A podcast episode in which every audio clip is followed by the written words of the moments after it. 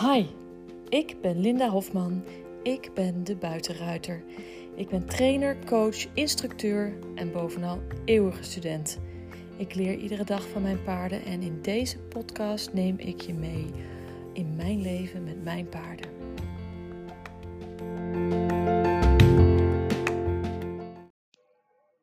Goedemorgen. Zo, eventjes mijn telefoon inpluggen hier in de carkit. Zo, dat hij... Oh ja, carkit. Het is meer zo'n oplader. Een sigaret aansteken. Even kijken. We gaan naar de jongens toe. Het is koud vannacht. Even rustig aan. Het heeft al gevroren vannacht. En uh, ik kon toch gelukkig eraf vegen met de uh, ruitenwisser. Dus dat scheelt weer. Ik hoef ze niet te komen. maar die tijd komt er aan dus. Dat we het krabben. Alright. Um, ik uh, ben snot en snot verkouden alweer. Ik denk dat ik dat een maand of anderhalve maand geleden was. Ik was heel erg verkouden. Dat snot mijn neus uitliep. En nu weer. En ik heb een beetje het idee dat dat veroorzaakt wordt door mijn huisstofmijtallergie. En uh, dat af en toe dat ik dan helemaal vol zit. Maar goed, um, het is gewoon een kwestie van stofzuigen. Maar ja, van stofzuigen krijg ik ook snotneus. Dan loop ik ook de hele dag te niezen als ik stofzuigen. Oké, anyway, too much information. Wat ik wilde vertellen vandaag. Ik heb uh, vorige week een uh, blog geschreven over hoe desensibiliseer ik mijn paard. En daar heb ik ook een podcast over opgenomen. En eigenlijk wil ik dat je met het hele desensibilisatieproces heel bewust omgaat. Um, omdat je ook je paard te veel kan uh, desensibiliseren. En dan is, kost het je veel meer werk om die uh, gevoeligheid van je paard op de hulpen en op je aanwijzingen weer terug te krijgen. Dus als je mij zo direct hoort snuffen, dan moet je dan maar. Ja, het loopt gewoon als water uit de neus. Dus ik kan er niks aan doen. um, anyway, um, terwijl ik hier met een snotneus zit. Ach ja, Linda toch. Alright, um, dus desensibiliseren doe je heel rustig aan. Als je denkt, uh, waar heb je het over? Luister dan even de podcast af, vorige podcastaflevering terug. Van vrijdag was die, geloof ik. Dat, uh, daarin leg ik je helemaal uit uh, hoe en wat. Maar ik leg je ook uit dat het heel belangrijk is, en in mijn blog vertel ik je het ook, het, het opbouwen van een vertrouwensband is eigenlijk belangrijker dan het desensibiliseren van je paard. Want op het moment dat je een vertrouwensband hebt met je paard, um, is, zal die minder schrikken van dingen om zich heen. Van, en van uh, um, de hulpen die je geeft en de gekke dingen die je uithaalt. Dus, hoe dus, en om vertrouwen op te bouwen, dan moet je heel consequent zijn in je gedrag. En dat betekent dat je je emotionele bagage uh, thuis moet laten, in de auto moet laten, niet mee de wei in, niet mee naar je paard toe, niet mee de rijbak in. Gewoon niet meenemen. Wees je daar heel bewust van. Doe desnoods een ademhalingsoefening om jezelf tot rust te brengen, zodat je zeker weet dat je die spanning en stress en uh, zo niet meeneemt. Ook op stal kun je spanning en stress opdoen. Hè? Let daarop dat je niet net uh, getriggerd wordt door, uh, door irritatie om iemand anders, of hoe iemand anders iets doet. Of ik kom natuurlijk door het hele land op stallen. En dan ben ik altijd heel blij met waar mijn jongens staan als ik dan weer thuis kom. maar op heel veel stallen wordt nog best wel agressief ook omgegaan met paarden. Met veel ruwheid en geweld. En, let nou eens op en doe eens even mee. En veel duwen en trekken en zo. Maar ongemerkt, nou is niet helemaal ongemerkt, als je daarop gaat letten, je merkt dat, je ziet dat. En dat triggert ook bij jou een um, emotie. En een, uh, het is heel belangrijk om je daar bewust van te zijn. Dat dus mede stalgenoten bij jou ook een emotie uh, vrij kunnen brengen. Uh, die je eigenlijk niet mee wil nemen uh, in het uh, zijn met je paard. Dus let daarop. Doe een ademhalingsoefening. Probeer dat bij anderen te laten. Ga daar niet iets van vinden of van moeten. Of, mee, of iets op willen zeggen. Laat het bij de ander.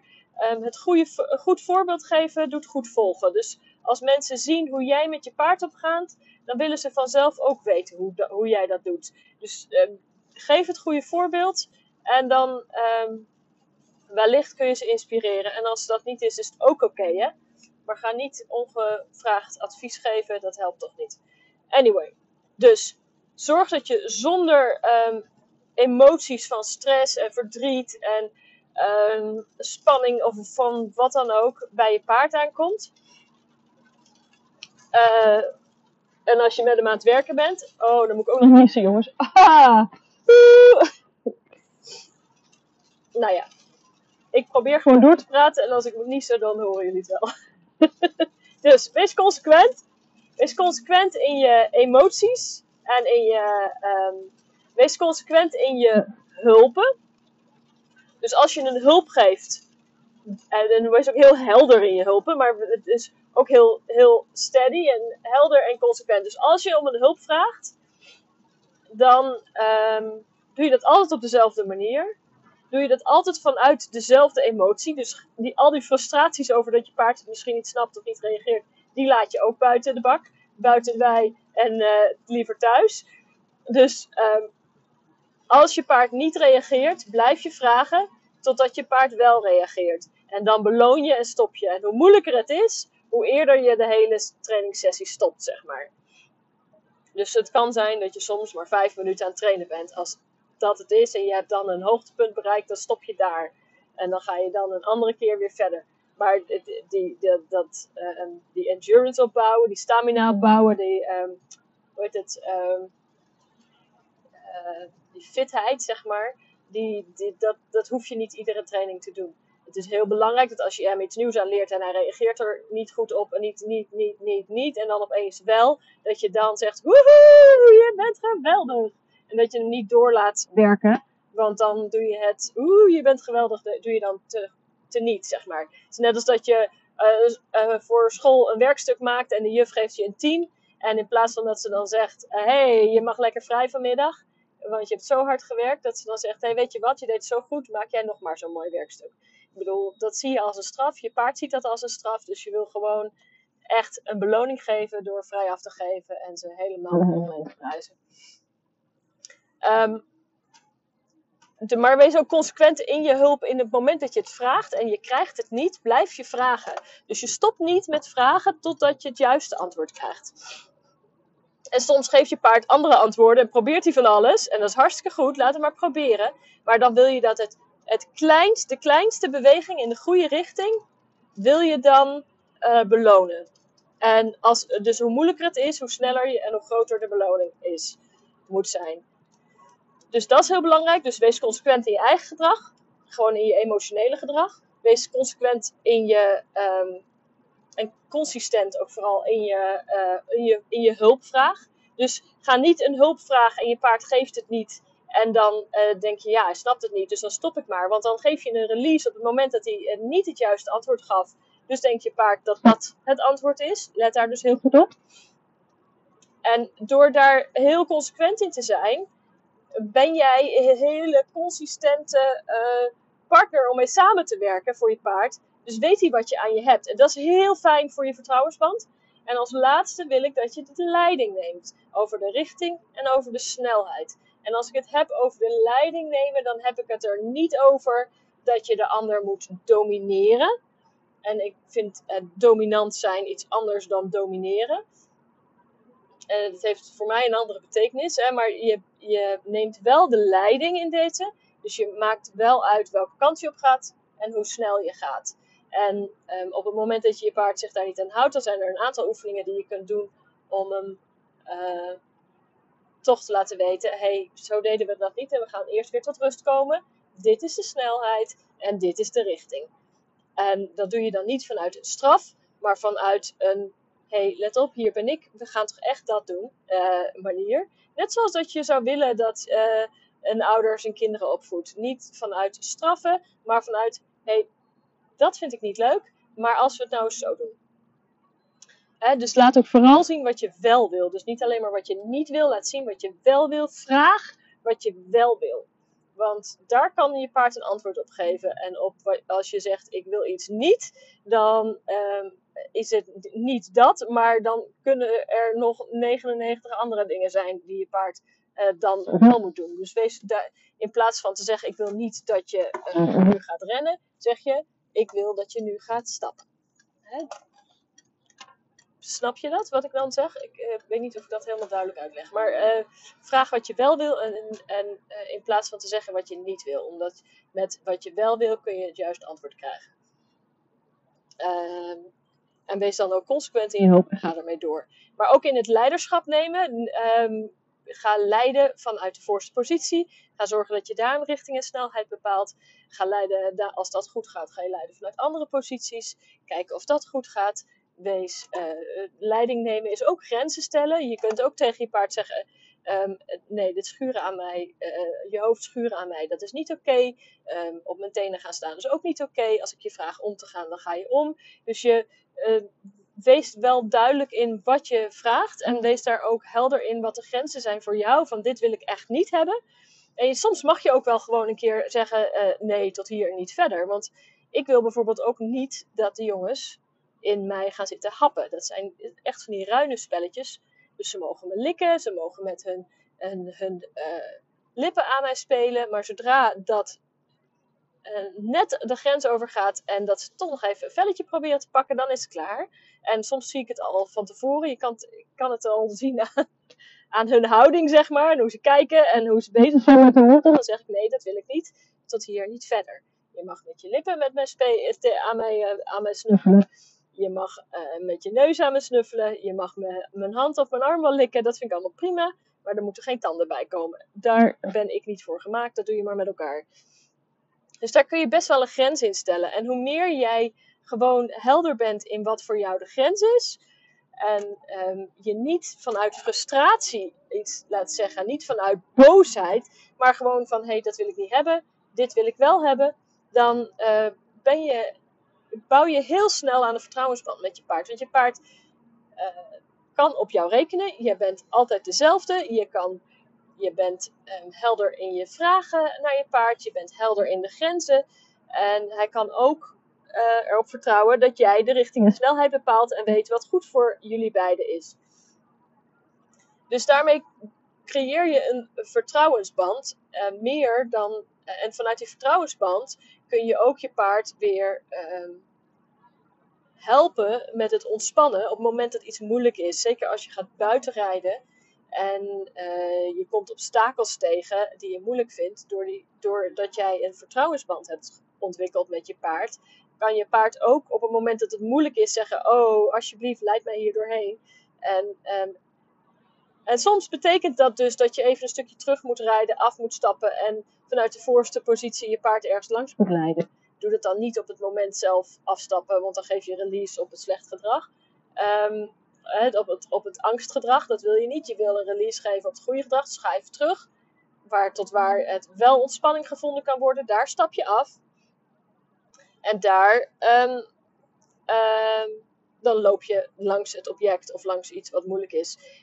Je hoeft niet altijd uh, erop te blijven zitten, omdat uh, dat nou eenmaal zo hoort en mijn paard moet luisteren. Nee, soms is het belangrijk om um, je paard even aan de hand mee te nemen en vanuit dit grondwerk uh, de rust en het vertrouwen terug te vinden uh, en dan later weer op te stappen als er weer rust en vertrouwen is. Hè? Dus als dingen moeilijk zijn, dan hoef je dat niet, je hoeft het daar niet doorheen te forceren. Het is alleen wel belangrijk dat je alleen afstapt op het moment dat je paard zich gaat ontspannen. En dat je daarmee dus een release geeft op uh, ontspanning en rust. En dat je niet afstapt um, als je paard heel erg angstig of gestrest is. Want dan beloon je hem eigenlijk en dan geef je hem een release op, op stress en angst. En dan um, maak je dat eigenlijk alleen maar erger. dan zeg je, ja, zie je wel, het is ook heel eng. Ja, ik geef, je helemaal gelijk. Ik beloon je er voor dat je zo doet. Dus dat, dat wil je niet. Dus daarom stap je al eerder af. Of je stapt Uh, je gaat even een stukje terug en stapt af. Nou, ik hoop dat ik je vandaag een beetje uh, heb duidelijk gemaakt uh, hoe je een vertrouwensband opbouwt. Althans, hoe ik dat doe. Um, ja, dit, ik probeer dan ook in het werk met de paarden zoveel mogelijk, als ik ze iets nieuws heb geleerd, een release te geven op, op ontspanning. En soms zijn het uh, hele kleine uh, bewegingen, zoals het knipperen van het oog. En soms zijn het grotere dingen, zoals het laten zakken van het hoofd. Uh, even diep uitademen of zuchten, uitschachten, gapen, likken, kauwen. Dat zijn allemaal tekenen van ontspanning. Um, en het is heel belangrijk dat je daar steeds, als je nieuwe dingen leert, dat je weer teruggaat naar die ontspanning. En ook als het een oefening is uh, die heel spannend is. Bijvoorbeeld uh, springen, galopperen. Zoals ik nu met Lakos aan het oefenen ben in de schoolhalt. Uh, je wilt die, dat zijn high energy oefeningen. Hè? Veel energie. Daar moeten ze fanatiek op reageren. Dat kost ze veel kracht. Dat voegt ze ook mentale spanning om dat te doen. En energie. Ehm, dus na zo'n oefening is het goed om weer terug te komen naar de ontspanning toe. Zeker als je zo'n paard hebt zoals uh, Lakos bijvoorbeeld is, die heel erg in die hoge energie blijft hangen en moeite heeft om dan terug te komen. Ga dan na iedere oefening eerst terug naar de ontspanning voordat je het opnieuw doet. En uh, ja, dat, door dan steeds weer naar die ontspanning te gaan, weet je paard, als ik bij haar ben, dan is het relaxed. Dan kan ik ontspannen en af en toe doen we even iets heel erg leuks en spannends en exciting, excitings. Maar um, we komen ook weer terug bij de rust en ontspanning. Hè? Dus net zoals dat paarden met elkaar in de kudde leven, dus heel veel rust en ontspanning. En je wil dat als jij met je paard aan het werk bent, dat diezelfde rust ook behouden blijft, maar dat je ook die het, het, het werken samen ook kunt, uh, die workout ook kunt doen, maar daarna weer terugkomt tot ontspanning. Alright. Uh, dit was het wat ik uh, voor vandaag wilde vertellen. En, oh, andere kant op. Knipperlicht, verkeerde kant op. En ik ga nu naar de jongens toe. Ik ben er bijna. En ik spreek jullie morgen weer. Alright. Dag dames, tot morgen.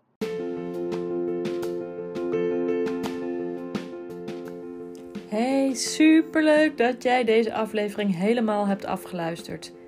Heb jij ook al mijn e-book gedownload? Zo niet, ga dan naar mijn website www.lindahofman.nl en download mijn gratis e-book Angstige ruiters en gespannen paarden. Het is echt een aanrader voor als jij problemen hebt met buitenrijden. Dankjewel, doeg!